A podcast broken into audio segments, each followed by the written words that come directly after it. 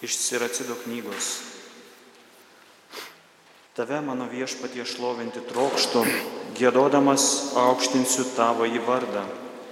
Kai jaunas buvau, nukeliavęs dar niekur, vieš, viešai išminties maldoje aš ieškojau.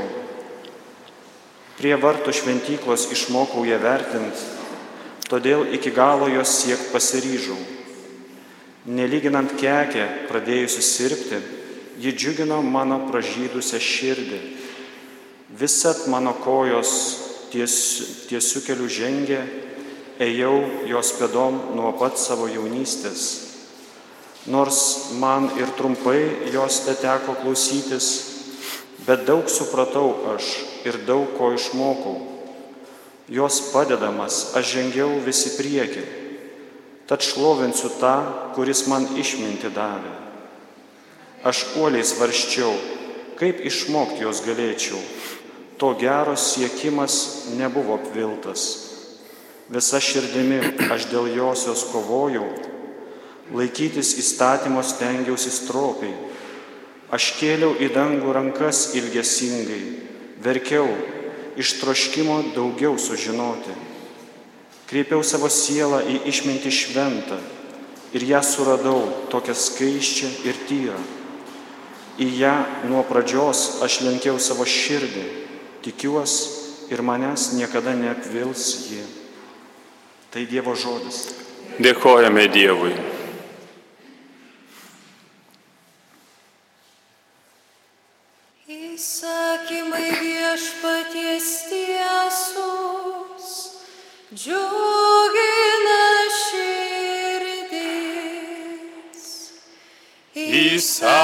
Įsakymai viešpaties tiesus,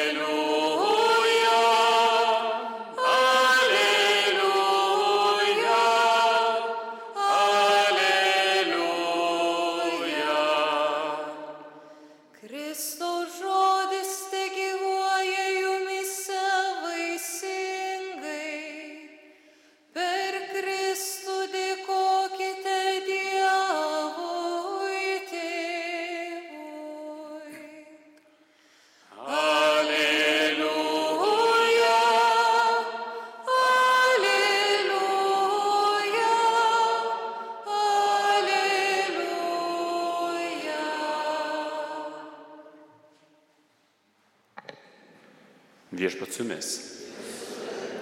Iš Šventojios Evangelijos pagal Morkų. Jėzu vaikščiant po šventyklą, prie jo prieina aukštųjų kunigų, rašto aiškintojų ir seniūnų ir klausia, kokią teisę tu turi tai daryti? Kas tau davė galę tai daryti? Jėzus jiems atsakė, aš taipogi noriu paklausti jūs vieno dalyko, o jūs atsakykite man, tada ir aš jums atsakysiu, kokią galę tai darau. Jono krikštas buvo iš dangaus ar iš žmonių? Atsakykite man. Tie pradėjo tartis. Jei pasakysime iš dangaus, tai jis mus klaus. Kodėl tada juo netikėjome? Pasakytume iš žmonių, bet jie bijojo liaudės, nes visi buvo įsitikinę, kad Jonas tikrai buvo pranašas. Todėl jie atsakė Jėzui, mes nežinome. Tada Jėzus tarė, tai ir aš jums nesakysiu, kokią galę tai darau. Tai viešpatė žodis.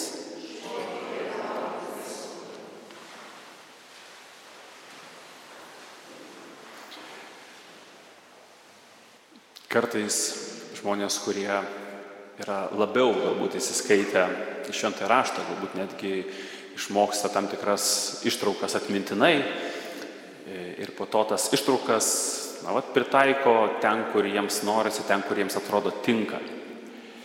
Ir jeigu e, tas ištraukas pateikia kaip, pažiūrėjau, įrodymą arba savo nuomonės pagrindimą tiems, kurie yra mažiau įsiskaitę, o sutikime, tokių yra dauguma katalikų, tai galima tokiems žmonėms įteikti praktiškai bet kokią netiesą.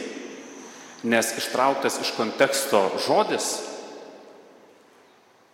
jisai lieka be konteksto. Jo prasme tampa tokia tarsi pakibusi ore. Ir jeigu ištraukęs iš konteksto, aš turiu galimybę, kalbėdamas su tuo, kuris to konteksto galbūt nežino, suteikti savo kontekstą, tai reiškia suteikti savo prasme. Ir kartais kažkiek, o kartais visiškai 180 reiškia, laipsnių apsukti tą prasme. Štai kaip pavyzdžiui, šios dienos Evangelija, jeigu mes žiūrėtume tik tai į, pažiūrėjau, pirmąją pastraipą, ji būtų labai logiška ir netgi, sakyčiau, iš dalies labai teisinga.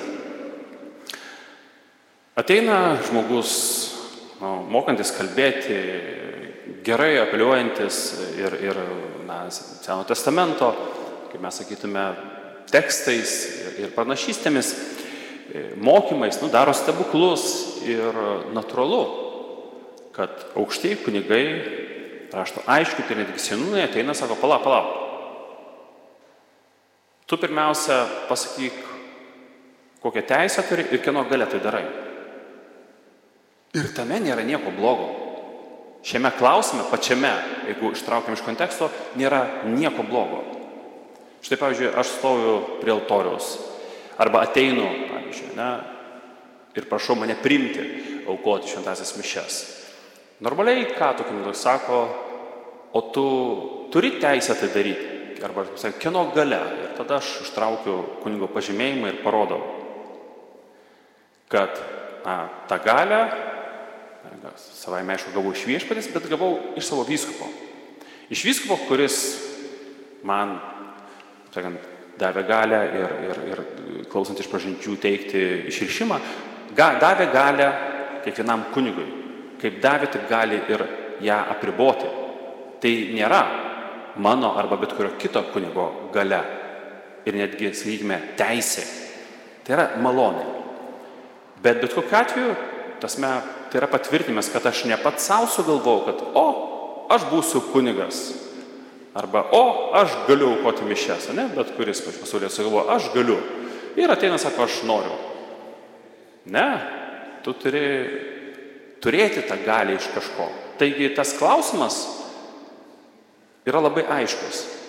Nes, na, nu, galbūt kol kas tu kalbi tai, kas yra teisinga ir galbūt netgi tai, kas atitinka e, įstatymą, dabar šiandien sakytume ne tik įstatymą, atitinka ir, aišku, bažnyčios mokymą. Bet ką tu rytoj kalbėsi arba kaip tu rytoj elgsies, niekas nežino. Taigi tas autoritetas, kuris tau suteikia galę, jeigu toksai yra, yra tarsi truputėlį tuo pačiu ir žmogiškas garantas, kad tai, ką tu skelbsi, tai, ką tu darysi, kyla ne iš tavęs, tai yra ne tavo mokslas, tai yra ne tavo paties gale, bet ateis iš aukštybių. Ir šioje vietoje, sakau, rašto aiškintojai ir, ir, ir kunigai aukštieji, ir seniūnai būtų visiškai teisūs, padedam čia tašką ir sakom, labai teisingai. Reikėjo, nes nu, reikėjo įsitikinti ir reikėjo normalaus įrodymo, kad tikrai ateina iš Dievo. Tačiau, jeigu mes peršokę vieną pastraipą pas, paskaitome toliau, mes suprantame, kad kontekstas iš tiesų nėra a, išsiaiškinti tikrosios teisės arba išsiaiškinti tikrai galios teikėją. Nes kai Jėzus užduoda klausimą apie Jono Krikščitoją ir jie pradeda tarpusavį kalbėtis, na, tarsi niekas negirdėtų. O Jėzus mato jų širdis ir supranta, ką juose rezga. Ten labai greitai atsiskleidžia, kodėl jie klausia. Kai paklausia, iš ko krikštas yra, jie pradeda tartis tarpusavį, kągi reikia pasakyti. Jie ne, neužduoda klausimo, koks teisingas atsakymas arba kaip tai iš tiesų yra, bet prasvarsyti, na, kurį čia atsakymą pasirinkti, kuris tas atsakymas būtų, kaip sakant, nu toks saugus. Aha, jeigu pasakysime, kad iš Dievo, nu tai tada, kaip sakant, jis mus apkaltins, kad jeigu iš Dievo, tai kodėl nepriemėm. Ir tada čia visi galės mus pirštais pabaksnuoti, sakyti, fui, matote, jūs, kaip sakant, neklausote Dievo, nesekate Dievu blogai. Nes tada greičiausiai jis pasakys, kad ir jisai yra iš Dievo. Tai dar daugiau, tada žmonės apsitai juos tada apleis ir, ir, ir eis paskui Jėzų. Negalim šito pasirinkti. Hm. Galėtume pasakyti, kad iš žmonių. Bet vėlgi, nesinori piktinti tų, kurie yra aplinkui. Nes, kaip sako, visi žmonės buvo įstikinę, kad Jonas yra pranašas. Šitas atsakymas irgi netinka. Nu tai tada vienintelis yra tas, nu aš maždaug nežinau. Bet čia net nesmė, kurį atsakymą jie pasirinko, esmė, kodėl jie tą atsakymą pasirinko. Todėl, kad jie neieškojo tiesos, o ieškojo įrodymų, kurie pagrįstų jų norus, jų įsivaizdavimus ir jų siekius. Ir kai mes kalbame iš tiesų apie galę, labai aiškiai, net jeigu žiūrėti grinai iš teisinės pusės, e, aukštai kunigai, raštaškintai ir seniūnai, jie klausia arba sudeda akcentus tik tai į teisinę galę. Tai reiškia, tai yra svarbiausia. Autoritai, kodėl aš tai galiu daryti arba kieno galia aš tai darau, yra teisinis dalykas ir taškas. Tačiau Jėzus labai aiškiai parodo, kad teisinis dalykas, na iš tiesų, tam tikrą prasme jau, supraskite teisingai, yra antroje vietoje. Arba mes turėtume turėti du dalykus, kurie eina kartu. Bet pirmasis, e, nežinau, galios šaltinis arba pirmoji galios priežastis yra neįstatymas, Pirmoji priežastis yra meilė. Ir kodėl Jėzus tai daro? Todėl, kad myli. Todėl, kad tėvas myli. Todėl, kad Dievas myli. Ir daro visą laiką tai iš meilės. Ir tarnystė, kurią Dievas toliau šaukia, sakykime, ir tos pačius kunigus, bet kiekvieną, kurį šaukia. Ir suteikia galę, suteikia iš meilės ir kviečia, kad mes tomis galime irgi e, naudotumės iš meilės. Tačiau naudotis tomis galime iš meilės ir atlikti tarnystę iš meilės galima tik tada, kada mūsų širdis yra atverta. Tada, kada Dievas gali tą mūsų širdį pripildyti tą meilę. O tai reiškia, kad mes ieškome tiesos, kuri yra tikrasis Jėzus Kristus. Ne savo tiesos. Kaip žinot, o čia, čia yra mano tiesa, kaip šiais laikais yra populiaru. Na, tu tai gali vadinti tiesa, tu tai gali vadinti fantazija, tu tai gali vadinti melu. Esmės tai nekeičia, tai yra tavo susikurtas įvaizdis, tavo susikurtas vaizdinys ir taisyklė. Mes kalbame apie tiesą, kuri, kaip Evangelijos pradžioje yra sakoma, Dievas taip pamilo pasaulį, jog atidavė savo vienatinį sūnų. Ir be meilės viskas praranda savo prasme.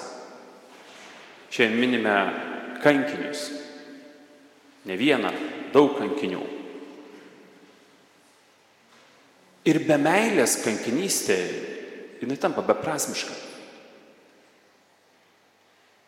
Nes atiduot gyvenimą tiesiog už įstatymą, už įstatymą, kuris be meilės yra negyvas ir neteikia gyvybės, yra beprasmiška. Ir Dievas kreipia dėmesį į mūsų visų gyvenimus. Siekti, kad nepriklausomai ką darome, nepriklausomai nuo to, ką priemam į savo gyvenimo, kalbu ir apie išbandymus, ir apie, apie tą pačią kančią, vienokią arba kitokią kankinystę, kad tai visą laiką būtų iš meilės. Kad tai priimtume, tai neštume su meilė ir meilėje. Nes priešingų atveju tai nei kitiems, bet visų pirma mums patiems neduos vaisiaus, neneš gyvenimo, o mus žlugdys ir grauž. Mes visur ieškosime priežasties, kodėl galėtume pasiskūsti, kodėl galėtume apkaltinti, kodėl galėtume pavydėti, kodėl galėtume būti nepatenkinti, kodėl galėtume patenk, pateisinti vienus arba kitus savo elgesius. Dėl to, kad tai nėra iš meilės. Lengva pasakyti, gal ir ne visada, bet savai aišku, kad tuo gyventi yra ne taip lengva. Kodėl? Tuo, kad tam, kad taip gyventume, mes turime turėti visą laiką jautrę širdį. Pajausti, kada tik, tik pradedame klysti, nuklysti nuo meilės kelio. Ne tada, kada 180 laipsnių apsisukome ir suprantam, kad leidžiamės visiškai priešingai kaip, bet kai net mažiausias laipsnis pasikeičia ir mes jau pradedam po truputį artėti prie to siauro meilės kelio pakraščio, kad vėl sugrįžtume atgal. Štai kodėl Dievas per įvairius šventuosius nepaliauja, savai aišku, kasdieniai ryto vakaro maldai, nepaliauja raginės dažnesniai e, šventai komunijai, e, nepaliauja raginės adoracijai ir savai aišku, nepaliauja raginės dažnai išpažinčiai. Galbūt kartą mėnesį.